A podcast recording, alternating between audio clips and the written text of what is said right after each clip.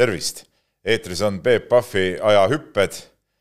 ja täna on meil stuudios mees, kelle jaoks hüpped sportlaskarjääri jooksul olid igapäevane tegevus, selle kogu tege-, sportlaskarjääri igapäevane osa.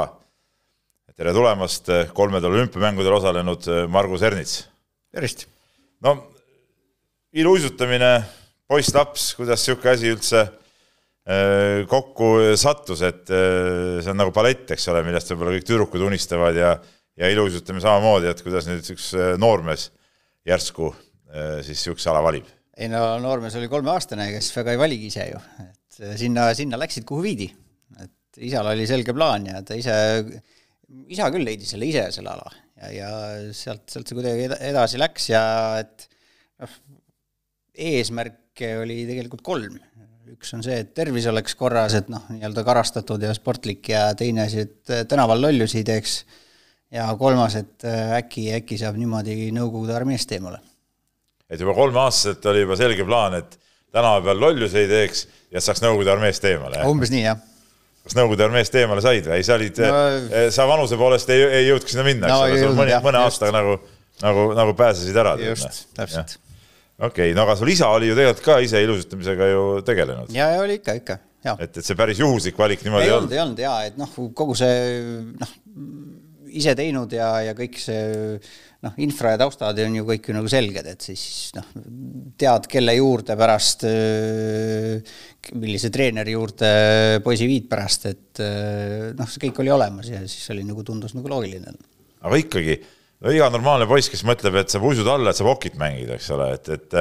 võib-olla kolme-nelja-aastaselt noh, ei ole nagu vahet, mida sa seal teed väga, aga aga, aga juba hiljem, et kas niisugust tunnet ei tekkinud, et tahaks nagu natuke, kuidas ma ütlen, nagu jõulisema uisualaga tegeleda või, või, või oli see Eh, mudilast peale tegemine juba niimoodi eh, läbi imbutanud sind sellest alast, et, et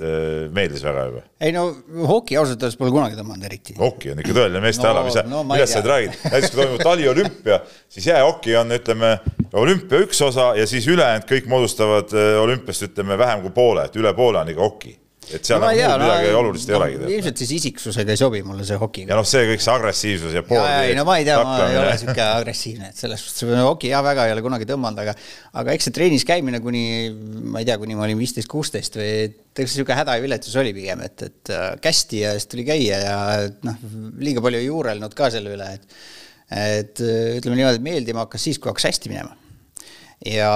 ja hästi hakkas siis minema, kui äh, noh, üksiksõit selles suhtes, et oli ikka, meil oli oma punt ja, ja meil olid teised ju ka, et kes tegid, ega ma üksi seal tüdrukute keskel, keskel ei olnud ju siis. ja noh, ikka olgu selline trenni mängisin jalkat, et selles suhtes, et ei olnud nagu väga sellist, et, et, et oi, kuidas me nüüd uisutamist teeme, et, et, et ei sobi poisile ja ja, ja tegelikult mingi hetkeni oli areng päris hea ja, ja siis mul tekkis nagu pikem paus. ja siis isa ütles mulle, et, et äh, kuule nüüd ei jää vist muud üle, tuleb jäätantsu minna tegema. aga seda ma kartsin nagu tuld. selles suhtes, et see ei olnud üldse midagi, jäätants unustage ära, noh, see ei. et see on nagu päris sport, eks ole? ei, see ei ole, see ei ole. see peaks olümpiale ka kõige viimasena nendest aladest. jaa, on küll jah, et, et, et see noh, noh, tänapäeval see jäätants on ikka akrobaatilisem ja natuke enam-vähemgi, aga siis ta oli niisugune noh ma ei tea, suremine ja, ja, ja kohustuslikud tantsud ja muu õudus, et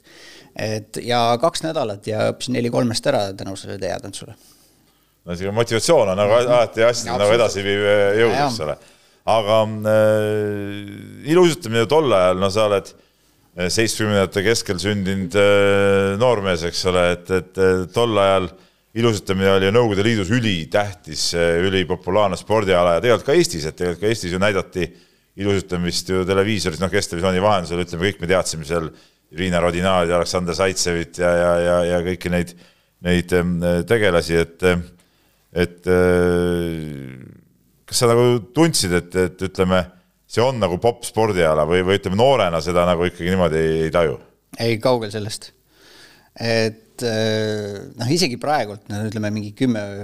viisteist aastat, kümme, kakskümmend aastat tagasi, siis noh, suhtlesid oma vanustega, siis oli niimoodi, et oi, mu ema teab sind küll, et noh, et see on nagu suur noorte puhul niisugune see, noh, ei olnud väga in, ei olnud väga popp olla uisutaja. okei okay., kuigi mina noore poisina vaatasin ka, kuna ma vaatasin kõike sporti, mis vähegi kätte tuli, siis ma vaatasin ka ikka ilusutamist, ikkagi kuus-null oli see põhihinne, eks ole, mida maksimum, mida võis saada, et kui seda keegi sai, siis oli ikkagi, oli ikkagi äh, kõva värk, tead. Aga äh, millised need tingimused tollal olid ilusutamise tegemiseks, ega meil ju mingeid suletud jäähalle väga palju ei olnud vist, kas see linnahall. linnahall, linnahall oligi, eks ole. linnahall avati, et ma alustasin, mis see oli siis, seitsekümmend üheksa lõpp, on ju. ja linnahall sai seoses nende olümpiaga sai ju valmis. ja, ja siis NSS-is oli meil veel Kadrioru jäähall, niisugune pisem küll. Ja, noh, talleks oli lahtine, aga noh, ma ikkagi põhimõtteliselt ikka käisin linnahallis trennis, et, et äh, see oli üks ja ainus koht ja, ja vahepeal oli ka vaja seal õues Taleksis käia või, või, või nooremal päris seal,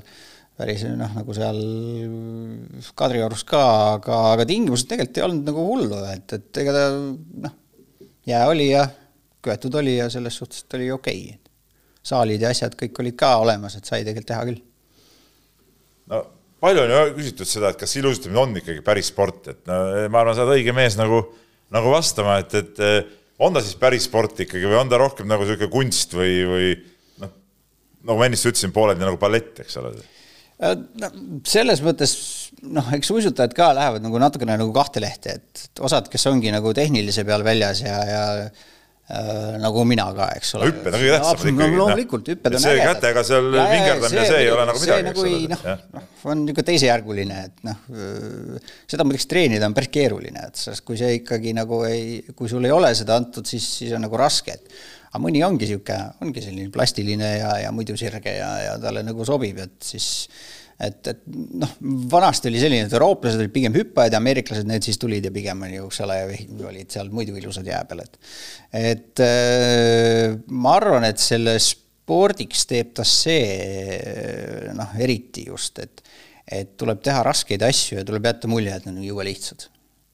et see tundub küll, et ta on selline noh, kätega, kätega vehkimine ja kohati, aga aga kui sa selle, kui sa pead ka endast noh, nagu selle neljaminutilise kava jooksul nagu maksimumpingutused samal ajal tegema, siis, siis see päris nii noh, lihtsalt nagu, ei saa ju mitte sport olla. füüsiliselt on ta väga raske kahtlemata. on, on, ongi jah, et on selles suhtes, et niisugune noh, ongi, et sa pead noh, ütleme kõrgushüppega võrrelda võib-olla, et sa pead minim-, hüppama mitte oma nagu Äh, oma, oma isiklikku parimat iga kord, eks ole, aga võib-olla viis senti allapoole ja, ja pead seda üle hüppama iga päev ja ükskõik mis asendist, et, et äh, jah. no see on kahtlemata niisugune spordiala, sa ütlesid ise ka, et kolmeaastaselt juba läksid, et mida peab väga varakult äh, alustama, et seal ei ole nii, et et mingi kümneaastane poiss vaatab telekast, et oh, äge ala, et ma olen nüüd hakkan, hakkan tegema, noh, poiss ja tüdruk, et et äh, kui, kui kõvad need koormused seal juba siis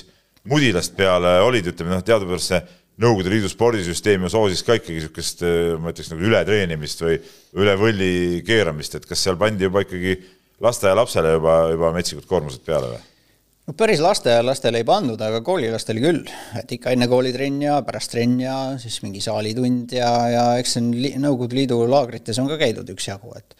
et, et jah, tamp oli peal, aga kõige hullemad võib-olla olid need kohalikud suvelaagrid, et seal oli, selle ikka vastu pidasid, siis oli, siis oli nagu hästi, aga aga noh, ma ei tea, ju siis tervis oli ka piisavalt tugev, et pidasin need asjad vastu, nii et selles mõttes, et äh, oli, oli nagu hästi, et natukene siin põllu andis tunda kasvufaasis, et just see, see koormuse andmine sel ajal, kui, kui sa kasvad et, et see oli natuke, mis, mis mulle võib-olla äh, oli natuke, mis mõjutas mingil määral, aga aga, aga ei jah, pidasin vastu nende liidulaagritele ka, nii et äh, koormused olid, aga sai hakkama. no äh, sa ütlesid, et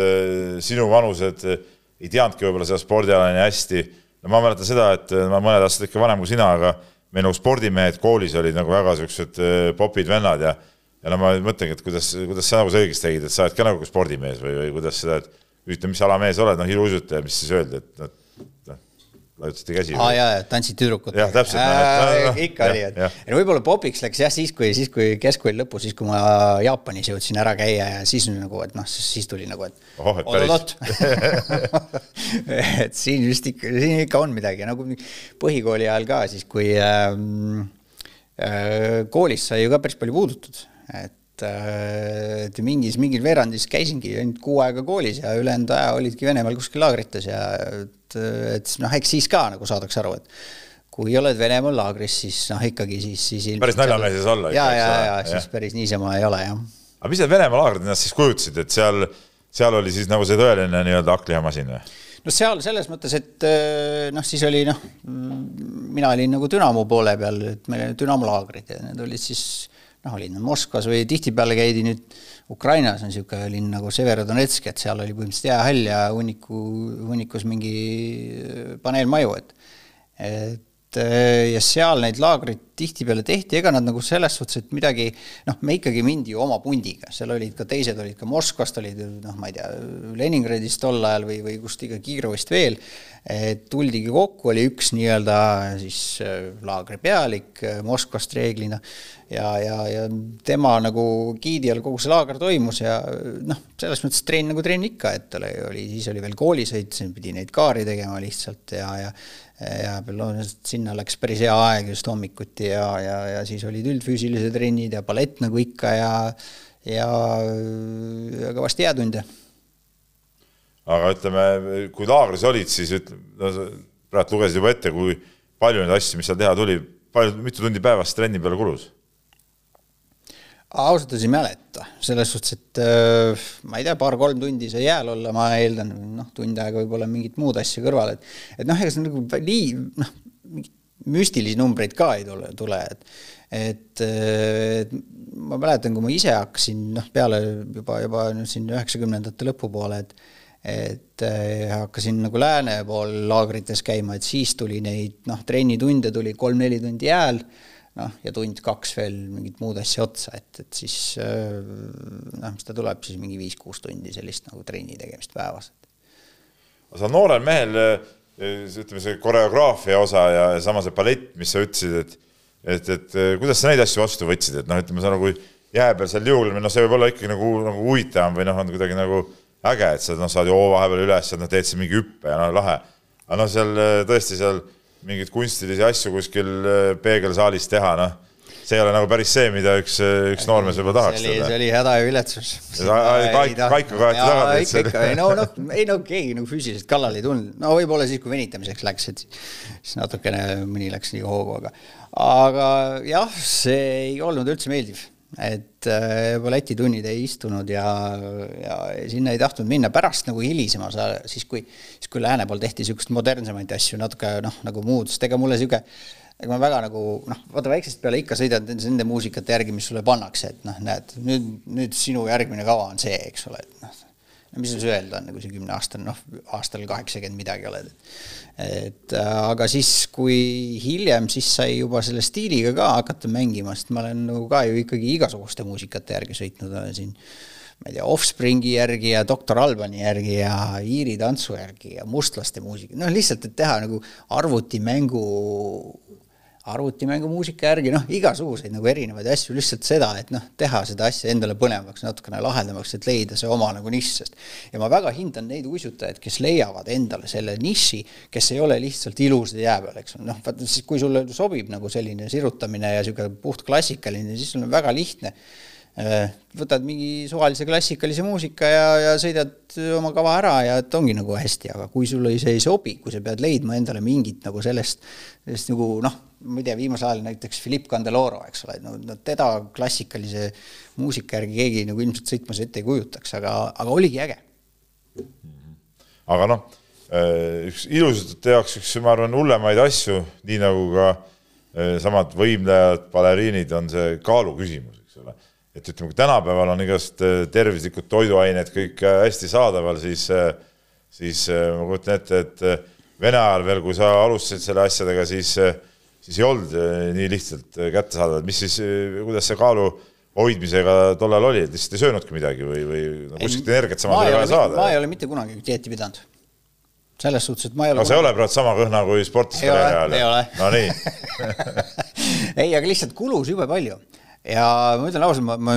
kui ma olin mingi kahekümnendat ringis, ma ikka sõin väga-väga palju. Et äh, ma võisin noh, ma ei tea, mingi kaks praadi ära süüa või, või selles pitsakohas paksu suure pitsa üksi olen korra ära söönud, et et see on täitsa müstiline, kui palju nagu sel hetkel ma suutsin nagu süüa, aga mul kaal oli kogu aeg sama et see, see nagu, see ei muutunud ja ta lihtsalt nagu selle trenniga läks, noh, ainevahetusega läks jälle kõik välja, et et, et pigem nagu, mis oli Vene ajal, oli see, et sa ei saanud toidust neid asju kätte, et tihtipeale oli niisugune nõrkus. et ähm, noh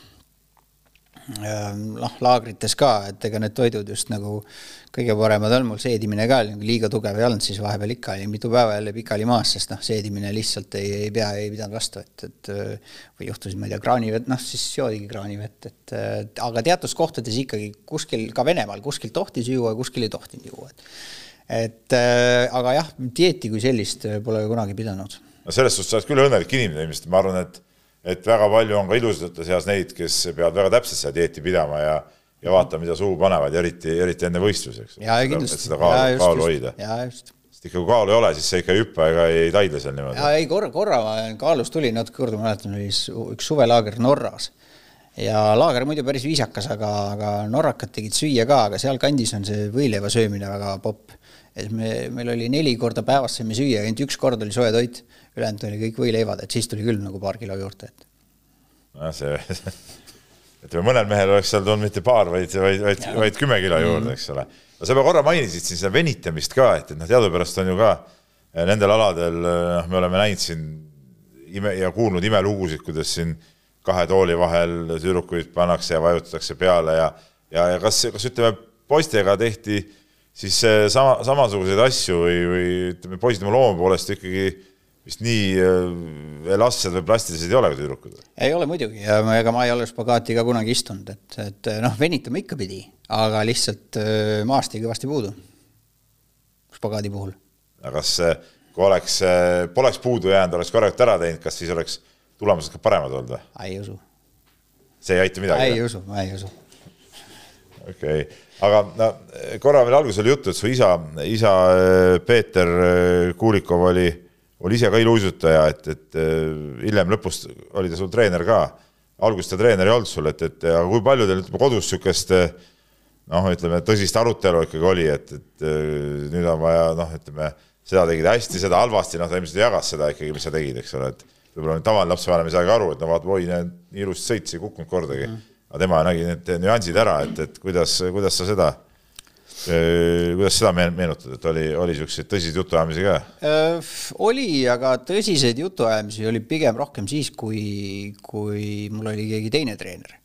et äh, noh. siis kõige... kirjutad, kuule see treener ei oska midagi ei, teha no,. ei, vaat mul oli mingi hetk oli, oli selline treener, kes, kellel olid sel hetkel paremad õpilased ja siis ta väga ei, ei tundnud huvi selle vastu, mis ma teen seal jää peal ja siis ma olingi natukene nagu ripakil ja, ja, ja, ja kui need noh, isa ka vahepeal käis vaatamas, aga noh, tegid oma, nühkisid oma trenni ja ega seal noh, väga ei nagu juurenud selle üle, et mis ja kuidas, aga aga siis, kui see tuldi nagu see jäätantsu ehmatus ära oli ja, ja kolmesed hakkasid tulema, siis tegelikult tähendas seda, et ma olin kolmesed nagu ise ära õppinud. et mul muidugi baastehnika oli hea ilma selleta ei oleks sealt tulnud neid. aga baastehnika oli hea ja, ja tänu sellele tulid need kolmesed ja kui ma nüüd mitu aastat olin nagu ise trenni teinud ja ise need kolmesed nii-öelda ära õppinud, siis siis peale seda oli selline olukord, et mind, mul oli väga raske leida sellist inimest, kes kes oleks mul nagu täis noh, noh, kogu aeg treener olnud, et et ma, mulle, ma ei võtnud sellist asja nagu vastu, et kuule, nüüd teed seda, nüüd teed seda, et, et ma ütlesin ei, et noh, ma mingi hetk mul oli no, seesama treener esimestel tiitlivõistlustel ka ja ja see, see võistluste trenn nägi välja niimoodi, et, et ma läksin jääle, tegin mingid asjad ära, läksin tema juurde, rääkisin ise, mis juhtus ja mis võiks olla, ta ütles jah, ja siis ma läksin edasi. et selles suhtes, et aga, aga noh, toimis ja, ja., ja peale seda oli, ma tegelikult noh, kõik need laagrid, kus ma käisin nüüd noh, juba nagu taasiseseisvumise ajal, kõik ma korraldasin ise otsisin endale kohad ja siin sai siin näiteks Soomes, Soomes mul sugulane õppis Soomes, ma magasin ühika põrandal ja helistasin erinevatele treeneritele, kelle numbrid mul olid ja küsisin, kuule, kas ma saan trenni tulla, kas ma saan, noh, siis juba mingi tase oli ja siis oli see täitsa okei okay,, et noh, võeti nagu hea meelega vastu, et et ja siis, siis käi-, käisingi nagu, siis ma üritasin noppida nagu erinevatest kohtadest neid asju, mis mulle sobib, et, et ja, ja keegi noh, ikka üritati nagu vahepeal aidata, et, et noh, imelik ka, et tuleb mingi kaheksateist, üheksateist aastane poiss tuleb üksi, eks ole. tuleb üksi,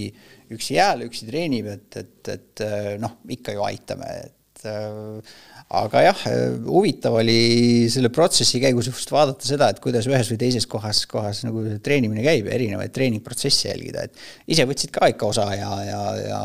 ma arvan, et see andis nagu niisugust äh, noh, see arendas ja punkt, noh, teisest küljest ka andis endale nagu sellist, et okei okay,, filtreerid ise välja, mis mulle sobib ja mis mulle ei sobi, et äh, et ja, ja noh, näiteks ma küll ise olen selline noh, kui Vene treeneritest rääkides Kudrjavtsevi koolkond on ka see, mida Tiiu Valgemäe meil siin noh, esindab, ütleme nii, siis äh, ka näiteks Aleksei Mišinilt on päris palju abi olnud just nagu kolmese aksli puhul, et tema aitas mul seda, et noh, üksi käies oli, leidsidki selliseid huvitavaid kohti, et said siin ja seal ja said nagu erinevaid asju, et, et et eks ta niisugust noh, nagu toimetamist oli ja niisugust korraldamist ja orgunnimist, aga mulle nagu istus ja, ja mulle nagu meeldis, et aga on seda tervikut ju päris raske nagu kokku panna, et tegelikult ju, ju ma olen nagu aru saanud, et ka ilusutamises ikkagi on ju see, et no ütleme, on treener, siis on tema see tõesti see koolkond, eks ole, kuidas ta nagu teeb, harjunud ja siis ta nagu see on niisugune ala, mida on vaja väga palju kõrvalt ju vaadata, eks ole, seda tervikpilti kokku panna, et kui sul nagu niisugust inimest pole, siis on ju nagu topelt, topelt keeruline. no mul, mul tekkis selles mõttes just nagu selle noh, nii-öelda esituse või koreograafia poole pealt tekkis eh, hea kontakt Šveits, šveitslannaga ja siis me käisime kolmekesi, noh, tema oligi nagu treener, koreograaf ja, ja mul oli sõber Rumeeniast, kellega me koos siis äh, käisime näiteks Belgias ja Hollandis tihtipeale äh, treenimas, et siis tema oli, no ütleme, seal kohapeal olid mingid treenerid, aga tema oli see, kes nagu äh, noh, suunas natukene nagu selle juba noh, nagu esituse poole pealt, sest noh, tehnikas, kui sa oled juba kakskümmend pluss, siis noh, seal nagu väga palju ei muuda ja sel hetkel need neljased ei olnud ka nii olulised, et peaks taga ajama. et siis oli nagu, et noh, tehnika on üks asi ja noh, sealt me saame nagu ise hakkama, noh, sealt, siit-sealt mõned treenerid äh, aitavad, aga, aga teine pool on just oh, no oli nagu ilusti nagu kaetud, et, et tema arenes, ta oli just nagu mingi modernse balleti lõpetanud, et ähm, tegi meile kavasid, tegi teistele kavasid ja siis no arenes seal selles mõttes koos, koos meiega, et noh, muidugi huvitavad ajad, et et äh, Hollandis ja Belgias äh, elasime peamiselt Brüsselis ja, ja siis sõitsime autoga mööda Beneluxi ringi ja samamoodi otsisime kohti, kus, kus, kus trenni teha ja ja mingit ma mäletan, olin roolis, kui kui Hollandis pidi politseinik kinni ja siis ma hakkasin korra peas läbi mõtlema, et oota, mis meil siin autos toimub, et meil oli eestlane, rumeenlane, šveitslane, me sõitsime Hollandis Belgia registrinumbriga autoga, mis oli soomlasele registreeritud, ma, ma, ma läksin nii krampi, ma ei saanud isegi akent lahti teha, et, et, et see oli nagu, oli veits seletamist. pahandust ei tulnud lõpuks? ei tulnud, ei tulnud jah. kõik, kõik söös. Äh, aga ütleme, nagu isa lõpuks oli, karjääri lõpus oli isa sul treener, et kas ütleme, isa oli siis nagu, nagu rohkem treener või vastupidi, et, et ta oligi nagu lihtsalt nagu abiline seal kõrval? nii ja naa, sõltub, sest noh, laagrites ma käisin ikka üksi et äh, ta oli võistlustel mitte igal pool, oli võistlustel kaasas ja ja oli nagu siin tugi, et, et äh, noh, filmis ja, ja toimetas ja, ja et selles suhtes, et äh, noh, ikka tehniliselt nagu siit-sealt aitas kaasa, et eks ta midagi niisugust vahepealset oli no ilusustamises teadupärast kavad, eks ole, ja, ja see kava peab olema nagu tervik, et, et kuidas see kava kokkupanek käib, et, et, et kui sa ise siin asju tegid, sa pidid ise see kava ka ilmselt kokku panema? ei, seda ma ei teinud et selle kava kokkupanekul ma, ma olin no ütleme, pigem nagu abiks, eks ole, sellel koreograafil, kes seda kava tegi, kava ma ei ole endale ise kunagi teinud. okei okay,, koreograaf teeb ju need äh, liigutused, liigutused, aga aga kuhu mingid hüpped, mis hüpped, mismoodi see? aga see on teada, sul on oma teatud sissesõidu, kuidas sa lähened sinna hüppesse, sa tead, mitu hüpet võib olla, sa tead, mis järjekorras sa tahad neid teha, sa tead, et kuhugile sa pead mingid piruetid ja sammud võib olla, kui sa vaatad, et see võigi nii, et ma hüppan järjest, noh kava hakkab pihta ja panen hüppe, hüppe, hüppe, hüppe, hüppe. ei no seda on tehtud, kunagi ukrainlased üheksakümnendatel tegidki nii, tegid kõik hüpped ära ja, ja oligi noh, aga nagu noh, kui minna nagu ikkagi et rõhk on ikka iluuisud ja, ja sõna ilu, eks ole. ei no mitte see, ütleme niimoodi, üks asi, mida kohtunik ka hindab tegelikult on, et kui võrdselt on elemendid ära jaotatud, sest see ei ole ka hu huvitav, kui, kui noh, esimese pooleteist minutiga tehakse hüpped ära ja siis hakatakse nii-öelda teise hindega tööd tegema, et, et äh, ja teiseks noh, sportlasele ka, et see on ka päris karm, kui see, et hüppeid, ega väga raskeid hüppeid väga palju järjest teha, no on ka keeruline, et et ikka tahad mingit hingetõmbepausi, isegi kui see ei ole nagu niisama istumine või seismine, et aga ikkagi see annab sulle nagu võimaluse või kava algus läheb nagu ei lähe kõige paremini, et siis sa suudad nagu tagasi tulla sealt, et, et okei okay,, nüüd need läksid, need ei läinud hästi, aga, aga okei okay,, ma nüüd noh, tegin pirueti ära, hingan kaks korda ja lähen keskendun järgmisele hüppele edasi, et, et kas nagu..., aga kas kogenud sportlane saab sõidu ajal kava veel muuta ka, et mm -hmm. pagan, see hüpe ei tulnud välja, et ma nüüd proovin uuesti seda seal kuskil vahepeal? aga see ei ole siis nagu täpselt maha joonistatud või see ei ole nagu ütleme, paberi peal teksti maha lugemine, et sa saad ikkagi seal siis sõidu ajal natuke sättida neid asju. Äh, no tänapäeva kavadel ausalt öeldes, kui ma vaatan neid tippe, siis ma ei tea, kuidas, kas ja kuidas see on nagu tehtav, aga noh, mingil määral ikka on, sest lõppude lõpuks see hüppe sissesõit äh, on ju ikkagi ainult mingi kaks sammu enne seda hüpet, eks ole, sul hoog tuleb ju teiste, teiste nii-öelda liigutustega. ja kas sa teed selle ühe hüppe või teise hüppe, noh, nagu oleneb hüppestiilist, et osa, osad, osasid on väga lihtne ära vahetada. ja kui sul väga on vahe, vaja vahetada, siis sa unustad nii viimased need käeliigutused seal või mingid sammud ära, võtad paar tavalist hoovõtusammu ja teed selle teise hüppe, et et ja ikka saab. samas ma just ehm, eile õhtul mõtlesin eh, nende sinu asjade peale ka või noh, ilustamise peale üldse ja ja mõtlesingi, et huvitav, kuidas nad seda kava nagu endale meelde jätavad, et see ka, vaba kava kestab vist kolm pool minutit vist või? neli jah, oli neli pool oli veel kunagi nüüd on neli. et noh, et ma ei, ma ise kujutasin ette, et see ongi nagu samm-sammult nagu pähe õpitud, pöörde-pööred, kõik siit, siit, siis siit ja niimoodi aga see ei olegi, tuleb välja niimoodi või? no ütleme niimoodi, et on eriti nagu noh, kui ei ole nagu väga-väga tipp, siis see näeb umbes niimoodi välja, et alguses on siin mingi kolm-neli sammu, mida sa täp-, mis on täpselt teada, mis on ja pärast läheb siis hoovõtuks ja hoovõtt on tegelikult noh, kas sa teed selle viis või kuus sammu, tegelikult noh, see nagu sõltub, et et, et sõltub, kui suure hoo sa sisse saad ja kõik, kõigest sellest. aga muidugi tuleb ette selliseid hetki küll, kus, kus läheb kava meelest ära et eriti, kui, kui on niisugune natukene noh, niisugune närvilisem, ma mäletan, kui olime Moskvas aastal üheksakümmend, ma ei tea, üks või midagi sellist, Äh, kevadel oli võistlus ja see võistlus oli siis, kui kella keerati ja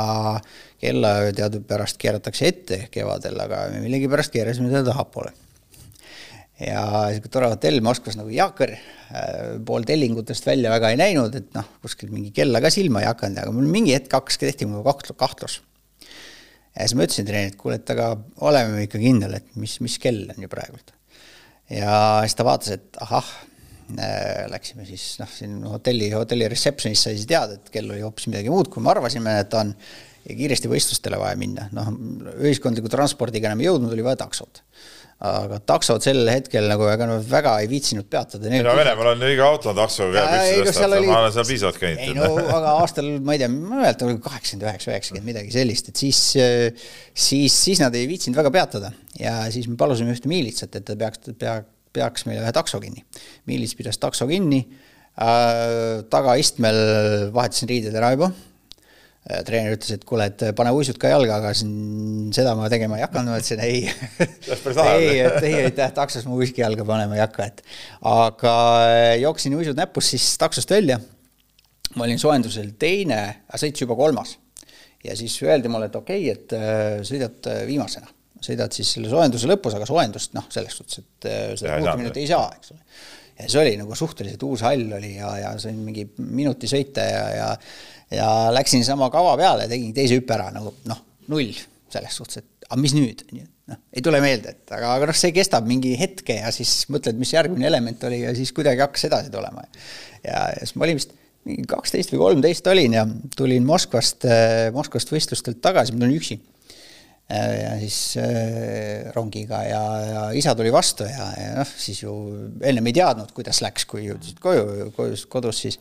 kodus siis küsis, et kuidas läks, ma rääkisin selle loo kõigepealt talle ära ja siis ta ütles, ahah, noh selge, siis ma võtsin taskust Moskva lahtiste pronksmedali välja, et noh, tegelikult väga halvasti ei läinud. no pole paha, ütleme niisuguse eh, taksos riiete vahetamise ja ilma soojenduseta sõidu peale, eks ole. ja, ja. Aga kui tähtis see muusikaline osa seal selle kava juures on, et, et kas sa sõidu ajal eh, seda muusikat kuidagi tajud ka või see aitabki nagu äkki meeles pidada, et nüüd selle muusika koha peal on, ongi nagu õige aeg teha see hüpe või tuleb see mingi sammude kombinatsioon või mingi asi? ei no ikka jah, et, et eh, muusika läheb peale ja siis noh, liigutused on juba nii, nii mitu korda läbi tehtud, et, et eh, ma ei tea, kas nüüd nagu aitab, sest, sest, sest et pigem on nagu muusika ikka on see, mis paneb paika tempo, kuidas sa seda kava sõidad, et kas mul on veel aega, kas ma joon liiga vara või kas ma hakkan hiljaks jääma ja noh, siis selles suhtes, et noh, hiljaks hakkad jääma, siis on nagu jama, et siis tuleb midagi, midagi kuskilt, kuskilt lõigata või, või hakata kiirustama ja siis ei ole enam aega hinge tõmmata, see on nagu jama natukene, et aga, aga, aga kui, kui alguses kava tehakse, noh, hooaja alguses, siis, siis tihti reeglina sa ei jõuagi õigest ajast muusikasse, et see tuleb nagu aja, noh, ajapikku sa harjutad need liigutused endale sisse, siis hakkad jõudma õigeks ajaks muusikasse ja muidugi see on noh, pigem on nagu muusikasse jõudmisel küsimus on see, et üks asi on need liigutused, teine asi on see, et kui sa lähedki seda hüpet tegema, et sa peale seda hüpet oled ka muusikas. noh, sõltumata, mis sealt hüppest siis tuli. kas sa sõitsid ilusti välja, oli kõik hästi või siis ähm, või siis mitte, et, et, et pigem jah, see muusika nagu eriti ei aita, et, et ta võib-olla noh, võib-olla mida ta teeb, et trennis ta aitab keskenduda võib-olla natuke rohkem. trennis see, kes sõidab kaasa, sellel on eesõigus aga pigem nagu võistlustel ma ei saa öelda, et ta nüüd väga nagu abiks on, noh, ta on ikka nagu noh, mingi asi, mida, millega sa oled harjunud neid asju harjutama ja, ja noh, niisugune nagu tuttavam, et et aga jah, pigem on see, et, et kuidas püsida muusikas, on see keeruline. no ma olen elus mõnda ilusasti suurvõistlust ka päris lähedalt näinud, no Tallinnas on EM olnud, aga ma olen kahetedel olümp-, taliolümpiadel ka käinud, kus ma olen mõlemal korral ka ilusustamissaali sattunud ja ja, ja ma ei mäleta, ma ei mäleta kummal olümpial see oli, me olime kolleeg Jaan Martinsoniga seal siis me töötasime erinevates väljaannetes. Ja Helena Kleebova sõitis mu sõidu ära ja ja läksime seda intervjuud tegema ja, ja, ja, ja siis tuli see muusikaga jutuks ja ma küsisin, et miks sa, miks sa koleda muusika valisid, et, et oleks võinud mingi ilusam või sihuke ägedam lugu olla, et oleks, oleks võib-olla ka paremaid hindeid saanud, oleks rahvas kaasa elanud ja siis siis Kleebov väga pahandus mu peale, ütles, et ei, nii ilus lugu on, eks ole, no tegelikult mingi suvaline käksutamine muidugi, mis ei olnud mingi lugu mm. -hmm. minu arust ikkagi nagu, kui on ikka mingi ilus rütmiline muusika või mingi äge, äge tuntud lugu seal taga, et siis siis nagu see üldmulje jääb ka nagu parem, et aga millegipärast ilusad valivad tihtipeale mingeid klassikalisi siukseid käksutamispalasid, mis ei äh, kõlba kuskile. Õnneks see on natuke hakanud muutuma, tähendab, äh, mis, kui vaadata nagu meeste üksiksõitu, siis vabakava endiselt on, on suht aeglane ja see on väga liht-, lihtne põhjus on sellel, see lihtsalt neid raskeid, neid neljaseid hüppeid on nii palju, et sa tempoka kavaga lihtsalt ei tee neid ära aga kui vaadata nagu meeste lühikava, et see on minu arust kõige ägedam võistlus, on meeste lühikava. sest seal on, on neid erinevaid stiile ja ongi tempokava, tempokamad lood ja ja kui ma töötan nüüd Rahvusvahelise Alaliiduga ähm, tiitlivõistlustel,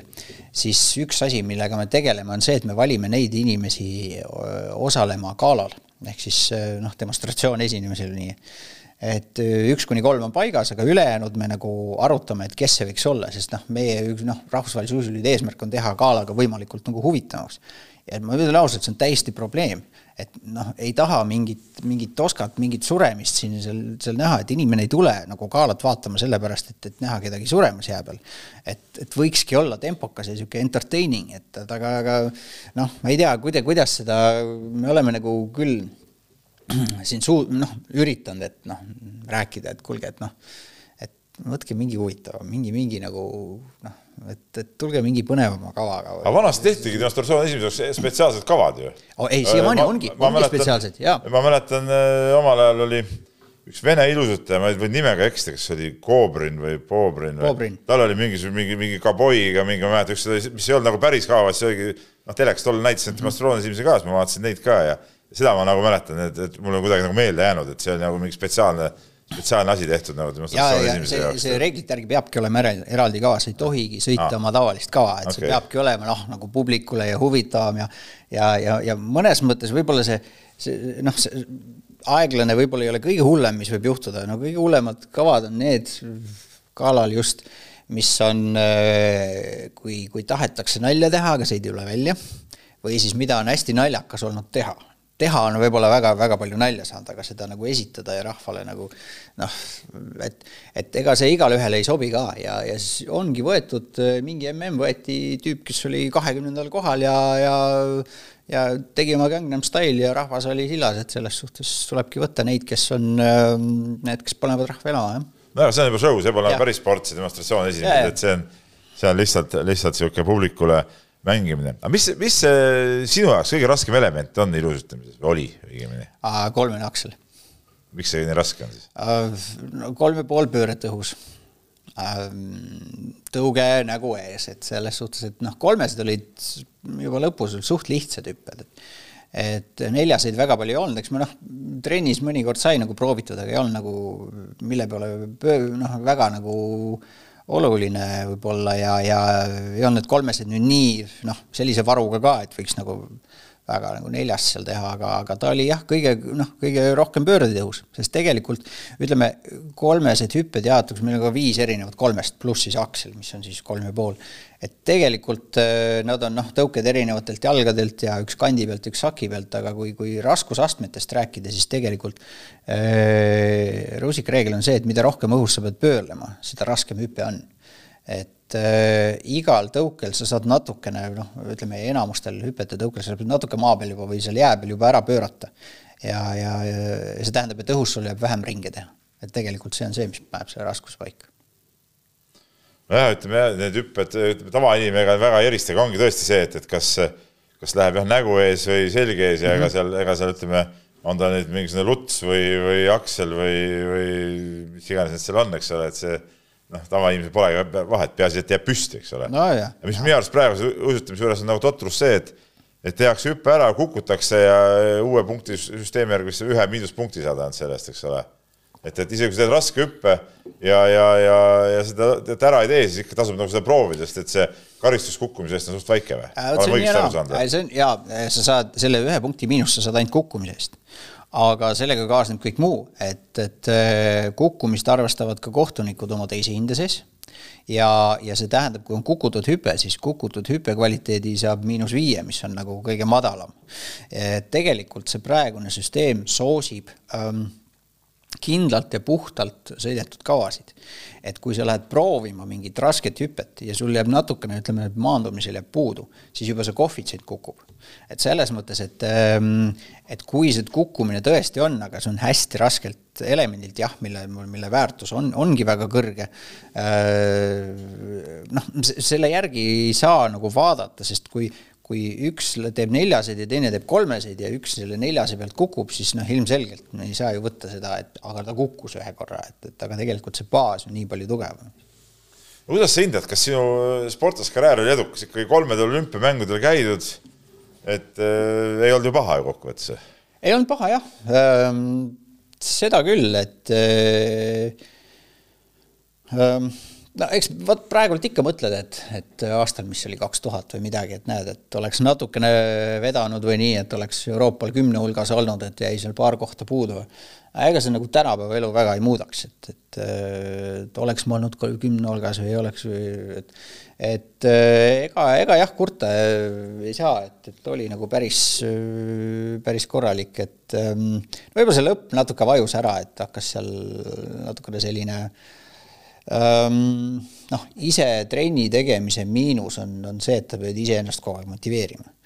et kui sa lähed hommikul kella kaheksaks-üheksaks, lähed kuskile Yeti jäähalli, kus on noh, miinuskraadid nagu õues ja, ja, ja seal mängib ainult raadio taustaks, seal ei ole mitte kedagi teist ja siis sa pead motiveerima ennast mingeid hüppeid seal tegema, et noh, lähed sinna hüppesse ja mõtled, et kui ma nüüd teen selle hüppe ära või ei tee, seal vist muutub nagu mitte midagi, et, et, et mingi hetk see nagu see hakkab nagu väsitama. no olgem ausad, olles vahepeal olnud ka harrastushokimängija ja hokiliigas mänginud, Jeti jäähall on muidugi kõige jäledam koht, kus no isegi hokit mängida, rääkimata ilusutamise trenni tegemisest, ma ei kujuta ette, miks, miks sinusugune mees pidi Jeti jäähallis trenni tegema. ei no aga siis ei olnud jääaegu et, et ei ma see on nagu ebareaalne. ei no õhtuti meil oli, meil oli mingi hetk oli nii, et oli nelikümmend viis minutit oli trenni, trennis. saal oli udu, see saal oli udu, uduga kaetud vahepeal. vahet ei ole, nägid ikka piisavalt kaugele, selles suhtes, et uduga oli linna all ka kaetud, et, et see, see udu ikka vahepeal tuleb ette, aga aga seda jääaega oli mingil hetkel oli nii vähe, et seda pidi lihtsalt juurde saama, et kasvõi, kasvõi ma lähen ja lihtsalt liuglen seal hommikul selle tund aega, ka juba annab midagi, et et see üks trenn päevas, noh, niisama eh, ei oleks sellest ei oleks nagu noh, siis ei oleks küll nagu midagi saanud sealt. et aga, aga kindlasti äh, noh, väga positiivse poolena just see, et, et,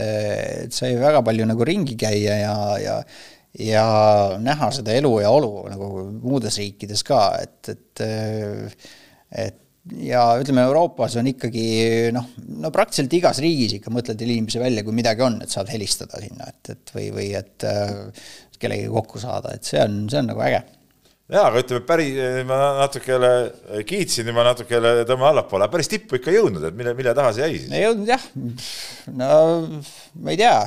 midagi ei puudu. aga mis jäi puudu? mis jäi puudu? ei ole mõelnud selle peale või? ma ei tea, ma väga ei ole, seal vahepeal on, on vot sellel, sellel spordil on ka niimoodi, et et mõni lihtsalt mõni lihtsalt on nagu, ta tuleb jälle, temal, temal, tal on see noh, nii-öelda presence või nii edasi, on, on see esitus, kuigi noh, võib-olla nagu noh, liiga lüüriline või ei ole, aga ta nagu kuidagi, kuidagi mõni on lihtsalt parem. ma ei saa öelda, et ma olin lihtsalt natukene halvem, aga et eks mul olid ka omad kindlasti omad eeldused, ilma eelduseta ei jõua midagi, et see üks protsent äh, annet ja üheksakümmend üheksa protsenti tööd, see on kõik jama. et noh, ausalt öeldes ei olegi nagu nii mõelnud, et, et mis nüüd puudu jäi, et äh, noh, natuke igalt poolt ma eeldan, et no ikkagi sunniti trenni tegema, nagu sa ütlesid noorest peale, et ei olnud looduslik anne, et, et et sündisid uisud jalas, et pidid tööd tegema. ei no muidugi, nagu noh, no ikka noorest peast, ega, ega kuue-seitsmeaastaselt, no ma ei tea, et, et noh, kuuled küll neid lugusid, et kui noh, tahavad lapsed trenni minna ja mõned võib-olla tahavad ka, et aga aga noh, sel ajal see trenni minek oli ikka hädavilets, sest et, sest äh, treener karjus ja noh, noh ikka nõukogude aja värk, eks ole, et nagu ei olnud väga meeldiv kogemus, aga pärast, kui ise hakkasid juba tegema, ise said aru, miks sa teed, äh, mida sa teed ja, ja, ja kuhu sa sellega jõuda võid, siis, äh, siis oli juba äge. no aga nii karastus ju teras, nagu öeldakse no,, eks ole, ei ole meil niisugused vati sees pupujuhkud nagu tänapäeva lapsed, et treener ei tohi isegi kõvemini hingata seal, rääkimata midagi ütlemisest. tänapäeva lapsed on ka minu arust väga kahte lehte, et me räägitakse võib-olla nendest, kes on nendest, kes on äh, võib-olla noh, sellised, kes ongi niisugused noh, ma ei tea, nõrgem, pehme, kuidas iganes nimetada, et et aga tegelikult on ka väga-väga nagu asjaline, noh, tänapäeval on, punkt üks on väga-väga korralik, väga tarku lapsi ja on ka neid, kes tõesti ise nagu võtavad ja teevadki, et, et, et mida võib-olla nõukogude ajal noh, päris sellised, ma ei tea, no raske võrrelda, aga ma arvan lihtsalt, et et kui rääkida lastest, siis see ampluaa on läinud nii laiaks, et, et head on lihtsalt, on läinud palju paremaks ja halvad on võib-olla ka läinud halvemaks. nojah, praegu on neid valikuid ka liiga palju ja. lihtsalt, et see on, see on, see on see suur mure no me ei saa ikka üle ega ümber sinuga rääkides ikkagi sinu karjääri kõige helgemast hetkest, eks ole, sa juba, sa juba muigad, onju et ütleme, kogenumad spordisõbrad eh, teavad seda, nooremad, nooremad eh, võib-olla ei, ei teagi seda lugu, et et Lillehammer oli olümpia ja, ja ma otsisin oma raamaturiiulist välja ka olümpiaraamatu eile õhtu ja, ja korra sirvisin seda, et et noh, tänapäeval oleks mõeldamatu, et eh, selline vahejuhtum oleks piirdunud raamatus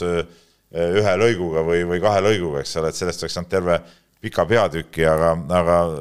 küll ma mäletan seda jah, et kuidas sul need siis läksid, läksid sõitma ja ja eh, uisuraua kruvid siis kukkusid saapa küljest ära ja mm, -hmm. ja ei saanudki sõita, et et kuidas see asi siis ikka täpselt oli, tead noh uh,? jaa, Lillehammer on selline võistlus, mille ma hakkasin, ma, ma tean, ma, eks ma tea, ikka tean, et noh, et on mõned teemad, millest ei saa üle ja ümber ja siis ma hakkasin mõtlema, et ega Lillehammeriga midagi positiivset küll ei seostu, et selles suhtes, et võib-olla muidu väga tore koht, ma olen käinud ei, seal pärast. ma olen ka mitu korda käinud, võib-olla tegelikult võib-olla oli, et me mängisime kahevõistlejatega, käisime seal mingeid neid arvutimänge mängimas, et see oli nagu niisugune tore asi, et et aga muidu, muidu küll, no Lillehammeri puhul oli lihtne, et et ma tegelikult sõitsin oma Soome sõbra varus, Soome sõbra kasutatud uiskudega. ja põhjus oli selles, et meil küll osteti siin mingid uisud, aga mulle see, seda tüüpi uisud ei sobinud, noh jalaga, no vaata seal ta peab olema väga täpselt jala ümber. ja mulle see, see, see, sellist tüüpi uisud ei sobinud ja, ja siis mul ei olnudki nagu muud võtta sel hetkel ja häda oli see, et meil jäähall, ennem oli juttu udust, eks ole, linnahall oli ju ka sihuke hästi niiske. seda ventilatsiooni seal kunagi sisse lülitatud oli niiske ja see no, tald, mis on nahast, eks ole, natuke paisub niiskusega, aga Lillehammeris oli kuiv. ja see tõmbus natuke kokku. ja siis ma natukene noh, ikka noh, vaatad oma varustuse üle enne, enne, eks ole, võistlust ja, ja võib-olla natukene keerasin selle üle ka, et et lihtsalt selle kuivuse ja ma ei tea, miks nad just nagu võistlushetkel ja seal ära tulid, aga aga noh, fakt oli see, et, et, et kui ma pärast jooksin ja majandasin nende uiskudega seal, et, et kuidas neid uuesti, uuesti taga, tagasi kinni saada, siis see tüüp, kes oli seal, ütles, ma võin selle näpuga sisse lükata, et siis ta pani mingi tikki sinna vahele, et ja et, et tegelikult see oli see, see talla, noh, tald oli nahast ja oli lihtsalt nii ära sõidetud ja et aga miks just võistluste ajal, see on juba nagu teine küsimus, et, et aga, aga ma pärast olin, ma läksin võistlema samasse jää, samas hallis oli võistlus meil aastal äkki oli üheksakümmend kaheksa ja siis me läksime kolmekesi kolm sportlast siis, mina olin kõige vanem sportlane, siis ma olin nii-öelda tiimliider ja treener ka nüüd teistele. et ise võistlesin, saatsin teisi starte ja, ja siis olid muusikad olid kassettide peal tol ajal ja siis ma jõudsin koha, kohale, pakin oma koti lahti ja vaatan, et mul on kaks vaba kava kaasas, et aga lühikava muusikat pole ühtegi. Ja mul alati oli see CD kaasas, mis on nagu siis, kus see noh, originaal on võetud. ja sel hetkel see CD oli, oli siis sealsamas Belgias koreograafi käes ja mul ei olnud seda CD-d ja siis ma mõtlesin, et mis ma teen, kas ma võtan mingi suvalise muusika, sõidan esimesed mingi kaks opikatega minutit eh, vabakava või mis asja, kellegi poole peal pöörduda ka, sest sina oledki see, noh, ise oled yeah. sportlane, ise oled treener ja tiimliider ja kõik muud ka, on ju. ja, ja siis ma hakkasin küsima et jah, lihtsalt kuule, kus teil nüüd plaadipoodi on ja et noh, noh, väga suur koht ei ole, väga suur plaadivalik just ei ole, aga noh, eh, ja otsisin ühte soundtrack'i nimega The Rock, Sean Connery'ga, kes seal meil mängivad ja, ja siis nad peale trenni kuskilt leidsid hallist selle, selle plaadi. Ja siis ma läksin kohalikku elektroonikapoodi, ütlesin, mul on vaja teie muusikakeskust pool tundi kasutada, miksisin oma muusika kokku tagasi seal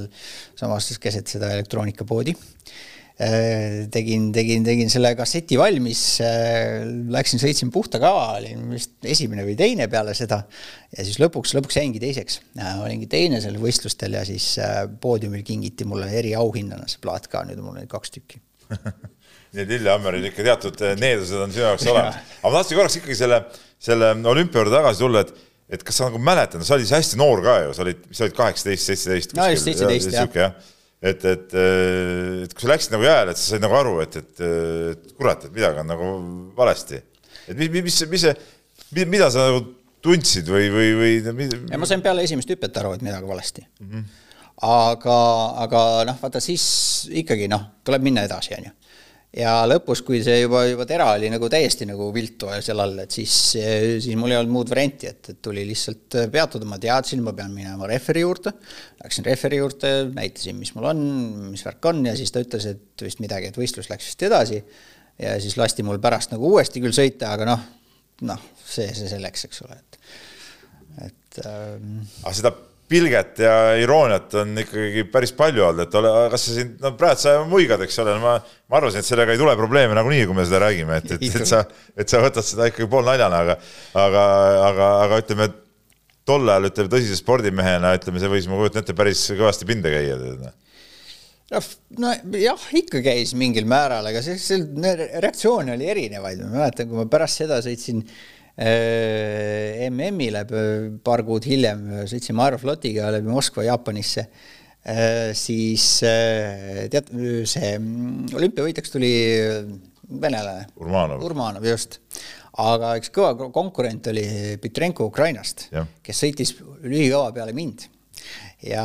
äh, ma ei tea, räägiti, et eks tal, ma ei tea, närv ei pidanud vastu ja nii edasi, nüüd ta pidi ootama ja läks närvi. see oli muuseas ka olümpiaraamatus ära mainitud. kuni, kuni neid kruviisid korjati, eks ole ju, ja ja, ja siis. ise ei sõida ja teiste ka ei lase ja, ja täpselt ja siis, aga, aga siis selles Vene lennukis mingid tüübid tundsid mu ära, siis oi, näed, tänu sinule me saime kulla, eks ole, et noh, eks neid reaktsioone nagu erinevaid, praegu muidugi naerad, eks ta natuke pinda käis, aga ah, ma ei tea, ma ei ole liiga suurt numbrit sellest teinud, et noh, noh, juhtus ja, ja eks neid äh, kehvu võistlusi on ennegi olnud, sest tuleb lihtsalt nagu minna edasi ja, ja võib-olla oli, oli lihtsalt äh, natuke see häiri-, võib-olla häiris nagu kõige rohkem see, et see päris põhjus ei tulnud nagu välja, et, et, et seal olid mingid spekulatsioonid ja nii edasi, et ah, noh, mis asja, et varustus ei ole korras või mis iganes. et, et tegelikult lihtsalt seisud olidki sellised, et, et äh, oligi selline varustus ja olidki sellised võimalused, et äh,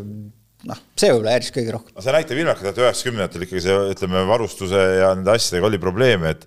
et, et kui palju, ütleme, sinu tasemel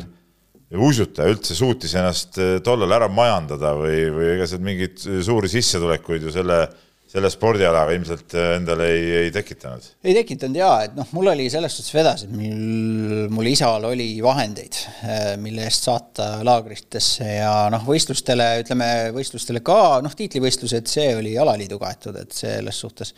oli nagu see, see, sellega nagu muret ei olnud, aga just laagrite puhul ja noh, varustuse ja, ja kõige, kõige, kõige muu sellega, et et äh, mingi hetk oli, et ütleme, lõpus sai niimoodi, et kui ma läksin kuskile laagrisse, siis noh, minu käest nagu jää eest raha ei küsitud, eks ole, ja tegin mingi show, sain mingi paar tuhat, mis iganes franki või mis iganes ta oli, et sain nagu elamise ka ära makstud, et et eks ta oli ikka puhas kuluartikkel, aga ma mäletan, kui me viimaselt olümpialt Salt Lake'ist tagasi sõitsime, siis äh, siis äh, selja taga istusid Kristiina ja Ruts Migun ja meil oli, äh, meil oli, läks korra jutt ettevalmistuskulutuste äh, või ettevalmistuse raha peale, et mis meil siis kasutada oli enne kahekümne tuhande teise aasta olümpiamänge. ja, ja siis mul isa küsis, et noh, et mis sa arvad, mis see summa on, mis me nagu toetuseks saime enne olümpiat ja noh, Ruts ütles midagi umbes, et oi, kui sa nii küsid, sest ilmselt mis mingi väga-väga väike summa, et a la kuussada tuhat, noh, kroonidest on jutt, on ju. no õige summa oli kaheksateist tuhat, et, et see oli siis see raha, millega pidi olümpiale valmistuma nojah, tollal ei olnud ju praegu mingid süsteemid vähemalt loodud, eks ole, aga, nagu mm. -hmm. aga siis põhimõtteliselt tänu isale saidki seda sporti teha või, või, ütleme, nii head isa poleks olnud, siis äh, poleks ka no, olümpiad olnud. ei no ega selles suhtes, et, et see ei olnud ka nii, et ma läksin isa käest küsima, eks ole, et noh, see oli nagu isa ka selge soov ju. ei no see oli see jah. et see jah, et, et, et aga jah, tänu sellele jah, et, et isal oli vahend, et tänu sellele sai teha aga see tähendab seda, et sa ei sattunud ka õigesse kohta võib-olla kuskile, et, et tegelikult nende show dega, ütleme kuskil Euroopas tuuritades oleks ju võinud eh, teenida, et tollal see enam ju polnud niisugune tabu nagu, nagu ütleme vist tänapäeval, ütleme need, kes eh, võistlussportlased on, ei tohi vist nendel show del osaleda või, või kuidas, kuidas ei, süsteem nagu on? ei, tollal oli isegi veel hullem. praegu, praegu, aga noh, vaata, kui sul, vaata show desse kutsutakse need, kes on nagu paremad nii-öelda selle teise hindega, on ju et ma olin rohkem niisugune tehniline, ma olin rohkem see, et hüpped ja et, et see noh, võib-olla oleks kuhugile pressinud, aga aga ütleme ausalt, ma ei ole kunagi tahtnud minna peale uisutaja karjääri show desse, et see on üks asi, mis on minu jaoks välistatud, see on jälle, et mulle öeldakse, et, et vot, vot siin sa pead, ma ei tea, gorillat mängima, et aga noh, ma ei taha, eks ole, või seal, seal sa pead mingit sellist lii-, ma olen, ma olen kogu selle, praktiliselt kogu uistutamiskarjääri teinud seda, mis noh, mis mulle endale meeldib, eks ole, ma olen noh, saanud valida neid, neid noh, kavamuusikaid, me oleme koos, mitte küll alati valinud, aga koos koreograafiga, kui ma mingi asi, kus, mis mulle ei istu, ma ütlesin, ei, mulle ei meeldi, ma ei, ei tee seda. Ja ja mäletan Belgias ka, et et oli, oli, oli noh, tulin siis Belgiasse trenni tegema ja seal oli ka mingi show, kus ma pidin esinema, esinesin ka, aga siis oli klubi presidendil jube hea mõte, et, et, et panevad siis poisid ja tüdrukud lükkame, lükkame jääle ja siis paneme poistele tüdrukute riided ja tüdrukutele poiste riided, et nalja saab, ma ütlesin sorry, mina seda ei tee, et ma ei ei, pahane oli, aga noh, mis teha, et, et. päris kome ainult sulle ikka istu, jah? nagu ei, ma ei suuda, jah liiga isepäine oled mm.. no aga eh, tegelikult ilusatamise üks eh, kõige suurem probleem minu arust on ju see, et eh, ta on ikka mõnes mõttes subjektiivne spordiala, eks ole, seal väga palju sõltub äh, võib-olla varem äh, sõltus veel rohkem äh, kohtunike niisugusest äh, meelestatusest, hinnangust, no isegi ma käisin siin mõned nädalad tagasi Eesti meistrivõistlusi vaatamas, isegi seal nagu oli natuke kuulda, et siin kohtunikud siin ühele ei, ei tahtnud niimoodi anda hindeid ja, ja teisele jälle andsid ja et kuidas see asi käib siis, et enne võistlust ikkagi treenerid käivad assortiikarpidega ja väikeste ümbrikutega siis kohtunike juurest läbi või kuidas see asi käib? no ma olen hinnanud ka, eks ole, ütleme tehnilisest paneelist sõltub ka päris palju, noh, kui tulemust vaadata. Ja ma olen hinnanud noh, ma ei tea, väikeste pudinate võistlustest MM-ini välja. Ja kõige pingelisem võistlus, kus hinnata on alati, mitte alati, on olnud Eesti noorte meistrivõistlused. Ma ei tea, miks, aga peale seda olen saanud ähvardusi ja, ja peale seda on alati neid, neid rahulolematuid, et, et MM-il seda ei ole et noh, rahvusvahelistel suurtel võistlustel seda ei ole, mõni on võib-olla nagu kuskil nagu krimpsutab, et miks nii või et, et, et tegelikult ei käida midagi kommikarpidega, et, et pigem, pigem on, kui sa noh, on see, et kui sa sealt paneelist ära tuled, et, et vaata, et äh, treeneritest, treenerite juurest nagu ilusti läbi saad, noh, rahvusvahelisel areenil see pole probleem, sest seal on mingi noh, meil on kõik omad, eks ole, siis ikka noh, võib-olla öeldakse üht või teist ja aga, aga võib-olla häda on selles, et et treener oma õpilast tihtipeale ei, ei suuda väga objektiivselt ise hinnata. et, et ja, ja ka neid kavasid, mis võib-olla, mis talle on tehtud, et noh, ütleme, ütleme, kui keegi kõrvalt ütleb, et tõesti, sellele tehti liiga või sellele läks halvasti, siis või, või, või seal kohtunikud olid natukene ühte või teist meelestatud siis äh, nagu seda ütleb mingi oma sportlase treener, siis see ei ole enam tõsiseltvõetav minu jaoks. Sest noh, kui sa, kui sa nagu treenid ja töötad selle inimesega noh, ma ei tea, hommikust õhtuni ja ja, ja siis, sa näedki ainult seda noh, võib-olla teatud mingit helget poolt ja ja teiseks ega, ega on olnud, on oldud, on tehtud paar eksperimenti on, kus pandud ka treenerit hindama ja, ja no on öeldud, palun ärge seda enam tehke, me ei taha seda enam, ma ei ütle, et kõik on sellised, aga aga see hindamine on, on jah, ta on, ta, seal on mingi subjektiivsus, jääb alati sisse, midagi ei ole teha, aga tänu selle uuele süsteemile ikkagi ta on nagu palju-palju objektiivsem. mul, millest mul on kahju, mul on kahju see, et, et kui mina sõitsin, siis ei olnud seda uut süsteemi, siis mul oleks kindlasti paremini läinud. kohtade mõttes. vähe, et sa tegid vähem vigureid, eks ole, et, et sellepärast võib-olla kohtunikele nii ei, ei meeldinud. mul oli, mul oli lihtsalt see, et, et äh, ma pidin nagu rohkem vaeva nägema natukene, et saada seal mingeid lisapunkte, eks ole, ütleme piruettides, mitte tegema neid kõige tavalisemaid, millega noh, praegult peab piruetis nagu mida rohkem sa seal erinevaid noh, asendeid teed, seda rohkem sa saad punkte, on ju. Ja, ja teine asi on see, et et minu hüpped olid alati väga puhtad, et selles suhtes just puhta maandumisega. Ja see on see, mida praegune süsteem ka väga nagu soosib. Et sellepärast ma julgen öelda, et võib-olla seal paar-kolm kohta oleks olnud äh,, oleks olnud mu tulemused paremad, aga jällegi noh, kas see tänast päeva väga mõjutaks, no ilmselt mitte. No sa oled ikkagi nagu tippkohtunik või hindaja ka, eks ole, MM-idel käinud ja asjadel. kas tõesti siin mingi Eesti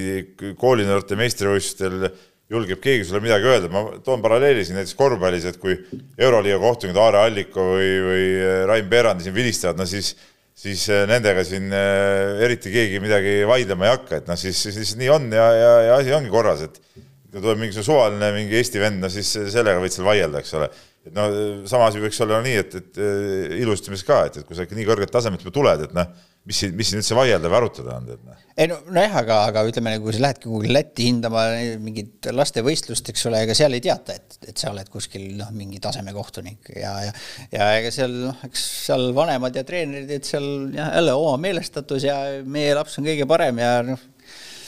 aga see on üldse siuke..., aga see on üldse niisugune spordiala, kus ütleme see, ma kujutan ette, aga siin ütleme Eestis, et noh, noh, ta ütleme no, väga palju on seal, eks ole, niisuguseid, eh, kuidas ma ütlen, nagu sealt ütleme, ütleme slaavi päritolu lapsi, siis need eh, Lasnamäe emad tulevad, on kasvukad seljas, eh, karvamütsid peas, eks ole, ja see on nagu nende jaoks kümme, sada korda tähtsam kui, kui sellele lapsele endale ja siis need intriigid ja asjad seal väga püsti lähevadki vist. kohati küll jah, et, et vanemaid on väga erinevaid, et et tegelikult äh, ka rahvusvahelisel tasemel, kui sa vaatad, et äh, kui üks või teine sportlane tegi nüüd, nüüd selle treeneri vahetamise tegi küll nagu väga-väga lolli otsuse ja, ja tegigi lolli otsuse, sest väga tihti on seal vanemad taga. kahjuks. et lihtsalt jah, vanemad määravad neid, neid käike lihtsalt kõiki, kõiki ette. seda hirmu pole olnud, et või seda mõtet, et, et ei tahagi Eestis siin seda kohtuniku tööd teha või, või üldse kohtuniku tööd teha, et, et kui, kui äh, ütleme, seda kriitikat tuleb nii palju või ma ei tea, mõni võib-olla lõpuks ei. julgeb pimedas siin. Äh, ei, ta nii hull ka ei ole. ei, see nii hull ka ei ole, et selles suhtes, et noh, kui mõni midagi ütleb, et siis ütleb, aga, aga ei, seda ei ole, ma, ma pigem nagu olen mõelnud seda, et mulle istub see korralduse pool nagu rohkem kui, kui see kohtunike pool, et et, et see on töö, mis mulle meeldib, see on, see on, mulle meeldib just see, see võistluste köögipool, et et, äh, et vaadata, kuidas asjad toimivad ja, ja seal on ka nagu, nagu just ka erinevates riikides, et ja erinevate alade puhul, et mida minu oma tööga praegult on väga nagu lahe nagu jälgida kõrvalt, et et ma olen töötanud väga erinevate spordialadega ja väga erinevates riikides ja, ja, ja see on minu jaoks see põnev, mis, mis noh, on ähm, on jah, põnevam kui see, kui see, kui see kohtuniku töö tegelikult no varsti on tulemas Euroopa meistrivõistlused Tallinnas jälle, et sa oled seal ka. eks ma ikka, eks ma ikka, eks ma ikka toimetan ja see on, ongi see, see nii-öelda põnevam pool, et äh, et siis see kohtuniku töö, eks ta on niikuinii nagu põhitöö lisaks ja, ja siis ma teen seda nii palju, noh, kui ma, kui mul nagu klapib, sest ega kui sa lähed tiitlivõistlustele kohtunikku, see tähendab nädal aega ära, et, et, et see on ka niisugune noh, aeg, mida võib-olla alati ei ole nagu võtta, et aga kas ütleme, see toob äh, piisavalt hästi sisse ka, ütleme MM-il kohtunikuks käimine, ütleme, ma kujutan ette, et äh, arvestades just see ala subjektiivsust, see kohtuniku tasu peab olema nagu piisavalt hea, et seal nagu ei tekiks kiusatustki äh, ei ütleme, ole, subjektiivseks minna. ei no raha pärast ei tee seda keegi, noh, tegelikult ütleme nii, et kui sa elad kuskil, ma ei tea, Valgevenes, noh, Ukrainas võib-olla, siis käid neli korda kuus kohtunikuks, siis sellega seal riigis juba elab ära, aga ütleme nii, et nendes, need inimesed, kes käivad MM-idel, on nad siis hindekohtunikud, on siis tehnilise paneeli kohtunikud, ega raha pärast seda ei tee keegi. mis ühe võistluse taks ikkagi on? mis ta on, mingi, kas tiitlivõistlused äkki mingi kolmsada eurot või, või midagi? ei, kokku. kokku? kolmsada eurot? no see on nali ju. no vot, ma räägin, raha pärast ei tee seda keegi siis ikkagi nende assortiikarpide pärast. ei no ma ei tea, ei, ei, ei, see, ei, no tegelikult kohtuniku, kui sa lähed, võetakse vastu ja uhke õhtusöök on tavaliselt korra ja uhkes hotellis elad ja noh, kõik on vaata ette-taha ära tehtud, et see on nagu noh. lihtsalt nagu tore, tore lihtsalt, puhkus, saab nagu pere juurest minema no, ja omaette no, nautida natuke üksi noh, olemist. liiga palju seda teed, siis ma ei tea ka, et, et, et aga jah. nii, no hüppame nüüd eh, ilusutamise juurest ühe teise spordiala juurde, millega sa oled ka vahepeal tihedalt seotud olnud, et sa peale seda, kui su karjääri, karjäär oli siin lõppenud ja, ja olid siin igaste muude aladega tegelenud, eh, võib-olla paljude jaoks suht üllatuslikult sa sattusid paariks aastaks, ütleme, Eesti spordi ühte suuremasse ussipessa, võib niimoodi öelda, ehk siis Suusaliidu peasekretäriks, et noh, kas oli värvikad, olid värvikad aastad või? Olid päris värvikad jah, eks võib-olla eelis oli see, et ega ma väga täpselt ei saa, ei teadnud ise ka, kuhu ma lähen ja, ja see võib-olla, võib-olla. see oli ka põhjus, miks sa läksid, et sa aru ei saanud, mis, kuhu sa lähed. üks, ei ta kuidagi klappis, sel hetkel kuidagi klappis, noh, ütleme see eh, noh, Euroopa meistrivõistlused tehtud, sellest paar aastat ma olin nagu nipet-näpet ühe või teise asjaga tegelenud, et eh, midagi konkreetset ei olnud ja, ja siis tuli selline, et et eh, noh, just talvesport ja, ja ikkagi noh, spordi juures see tundus nagu, tundus nagu loogiline jah, ütleme niimoodi, et, et, et kui ma sinna läksin, siis ega mul selle alaliidu nagu noh, teadsid küll, et, et noh, Murdmaa on, on väga suur osa sellest alaliidust, aga noh, sellest isikute tasandil nagu jõujooned nagu ega, ega neid väga hästi ei teadnud. Ja, ja noh, võib-olla vahepeal on hea, kui sa neid ei tea liiga palju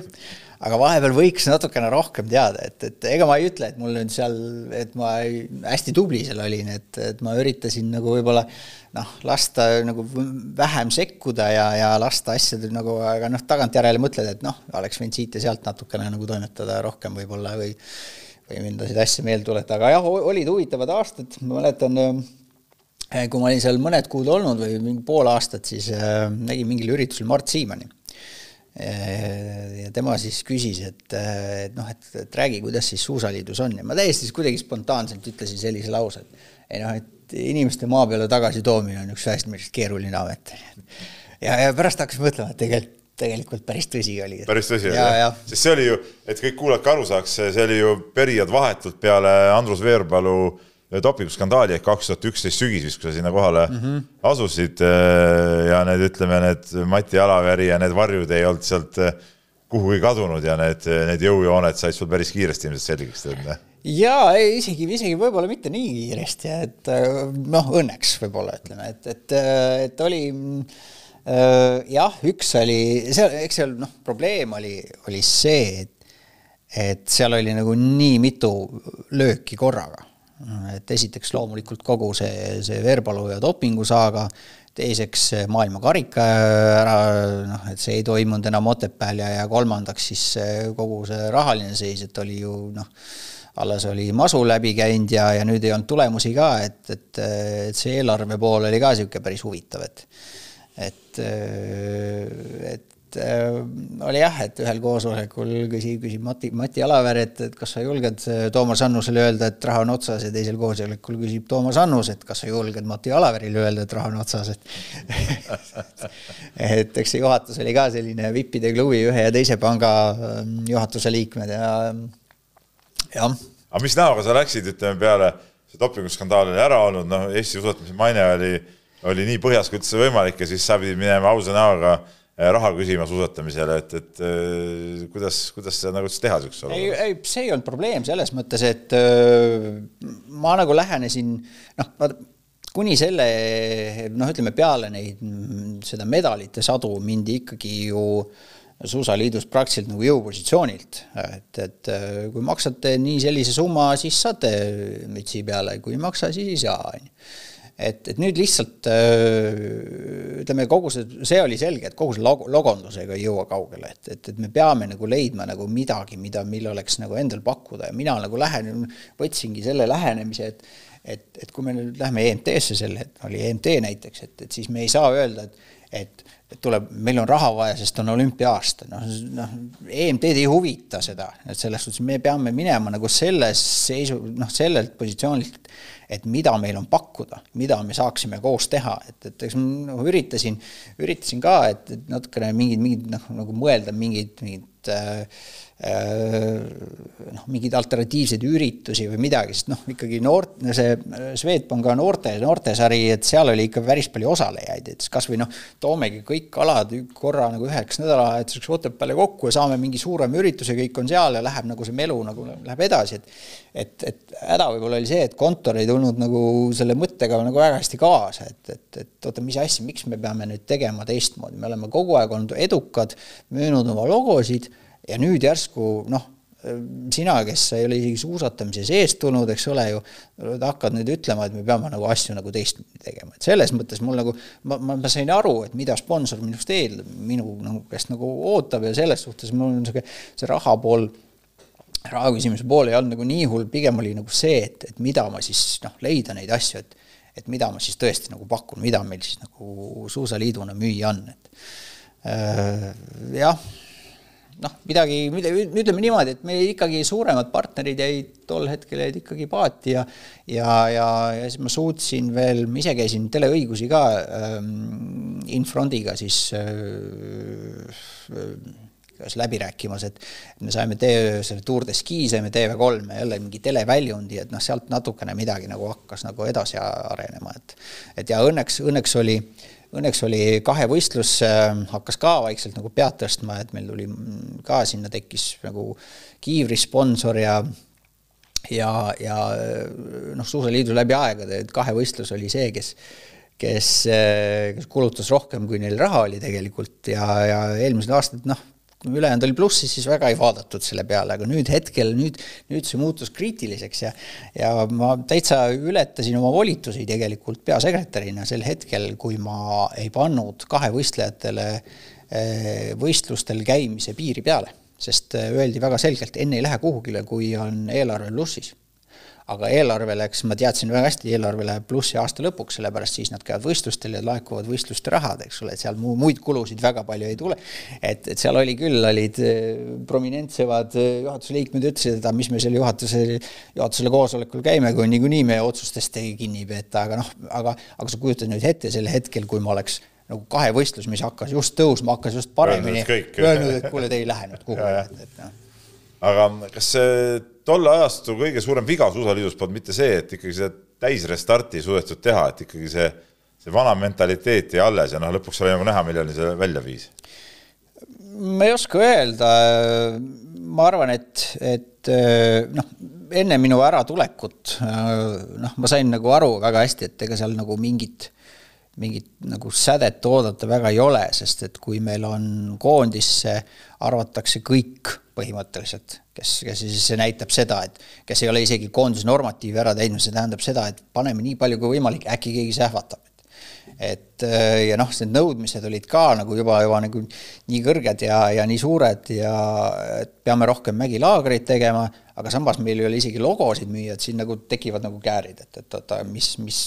siis ei ole ju loogikat taga, et toome määrdemeistrid tagasi, paneme, teeme viimaste aegade kõige suurema koondise, saadame kõik kaugele laagritesse, aga tulemusi ei ole ja tänu sellele on ka sponsorirahad vähenenud, et noh, no siis noh, seal ei ole nagu mingit, mingit nagu sellist väljapääsu, aga aga noh, ütleme nii, et et ega murdmaa puhul, murdmaa puhul on ju see, et äh, seda ei saanud nagu väga palju koomale tõmmata sel hetkel, sellepärast et seda restarti teha on veel, veel raskem. selles mõttes, et kui, kui ütleme siin noh, kahevõistluses või kogu seda tiimi on, on nagu lihtsam komplekteerida, siis kui murdmaasuusatamises kogu see määrde, määrdetiim tagant ära kaob, siis, siis seal, seal ei ole nagu praktiliselt midagi teha. pigem mõtlesin restardi all just seda, et ütleme et, et Mati Alaver ja tema, ütleme, kaaskond mitte nagu nii-öelda näiliselt poleks eemale lükatud, vaid et, et ka päriselt oleks nad nagu asjade juurest eemale läinud, sest nad tegelikult ju, nad jäid ju kõik ikkagi ikkagi asju otsustama ja, ja tegema edasi. jaa, ei muidugi, et see, see oli, see ilmselgelt oli tuntav, et, et see mõju ja, ja noh, kui rääki-, rääkides ka teiste nagu suusatamistreeneritega, väga paljud need rääkisid, et ütlesid ka, et mida me käime praegult seda maailmakarikat, eks ole, et noh, et käime oma Skandinaavia asju ja, ja teeme, kus me oleme praegult ja siis, siis lähme edasi, et et et aga jah, see kuidagi, kuidagi seal noh, kogu see, ütleme, iga hinna eest peame olema kohal, iga hinna eest peame minema nii palju kui võimalik ja aga noh, ma ei teagi, et, et eks, eks siin nagu peale seda, mis siin kõik nagu juhtunud on, et on, on natuke võib-olla, võib-olla ootamatu, et noh, praegult praegune seis ka, et ka seal ringkonna sees, ma saan aru, mõnede inimestega rääkides on, on, kes ikkagi noh, päris siiralt uskusidki, et, et kõik ongi hästi, et neid pettunud inimesi selles ringkonnas on päris palju praegult. Sul on hea meel, et sa õigel ajal sealt tulema said, nii kauaks ei jäänud, et ei pidanud seda praegust jama veel üle elama seal. jah, jah, ega ei kadesta praegult neid inimesi, kes seal on no lõpetuseks, me oleme siin juba üle tunni aja vestelnud, et, et et tühjase suusatamine ja, ja, ja, ja muud asjad, et ilusutaja sa oled, ilusutaks sa jääd, et käid praegu ka vahest jää peal või? Tead, ma käin siis, kui ma vahepeal andsin trenne ma täitsa vahepeal nii hobi korras mõnele andsin mõne eratunni ja mul poiss käib ka poole kohaga uisutamas, et ta, ta natuke uisutab, ei ole minu süü, see on vanaisa süü. ja. kohe lükkad enda õlut ära ei, ei päriselt ka, aga ta pigem, pigem ta paneks rõhku tõukerattasõidule, ta on päris, sellest ta on päris tubli, samamoodi. kui vana ta on? ta on kolmteist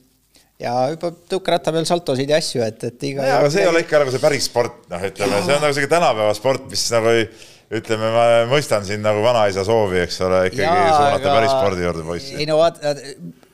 nõus, aga samas, kui poiss oli väiksem, siis ma käisin ikkagi, ju pead ju kaasas käima taga ja siis me käisime näiteks Sauel. Sauel äh, oli, on skatepark ja, ja seal oli niimoodi, et noored kuni neliteist, ma pakun, neliteist, viisteist, olid Eh, nad, nad ise käivad seal regulaarselt harjutamas, nad ise tegid võistluse, keegi tõi mingi mikrofoni ja kõlari kaasa, keegi tõi mingi, mingid muud asjad ja panid ise võistluse püsti, ilma et keegi mingi klubilist tegevust ja tegelikult see on äge et selles mõttes, et kui sa mõtled nagu noh. ei no vaba aja veetmise, jah, seda küll. see on nagu, see on nagu äge, aga, aga, aga, aga jah, see, et kas ma jääl käin, mitte väga, sest see on nagu sihuke noh, ma võin minna, sõidan paar ringi, ega ma mingit kava ei hakka ju sõitma enam, et. aga no, mitmes hüppe ära teeksid praegu äh,? ma mingi kahes ikka vast teeks, et niimoodi, et põlved ja asjad jäävad terveks. ja, ja ei, selles suhtes ma paar aastat tagasi tegin isegi mingi kahe poole veel ära, et, et ma arvan, et kahese teeb ära, võib-olla nagu peab paar korda käima, et, et, et ma mõtlesin ka paar aastat tagasi, et et võiks ikkagi võtta ennast kokku, natuke teha trenni, et teeks ühe kolmekordse ära ja siis ma küsisin enda käest, aga miks, selle ma vastust enam ei teadnud. kas veteranide võistlus ei ole ilusutamises või? on, aga ei, aitäh. noh, aga miks ka mitte? tähendab, ütleme tavaliselt veteranide võistlusel just võidavadki ju need tihtipeale, kes nagu ütleme, päris karjääris ütleme nii õnnestunud ei olnud, et, et nüüd on võimalus kõik need kuldmedalid ära korjata. veteranide, veteranide võistlustel on tihtipeale ka need, kes alustasid, kui nad olidki kolmkümmend või nelikümmend, et seal on see, see pilt on nagu päris omapärane vahepeal. oled sa rindamas käinud või? ma olen kunagi mõnda isegi hinnanud paar korda, aga,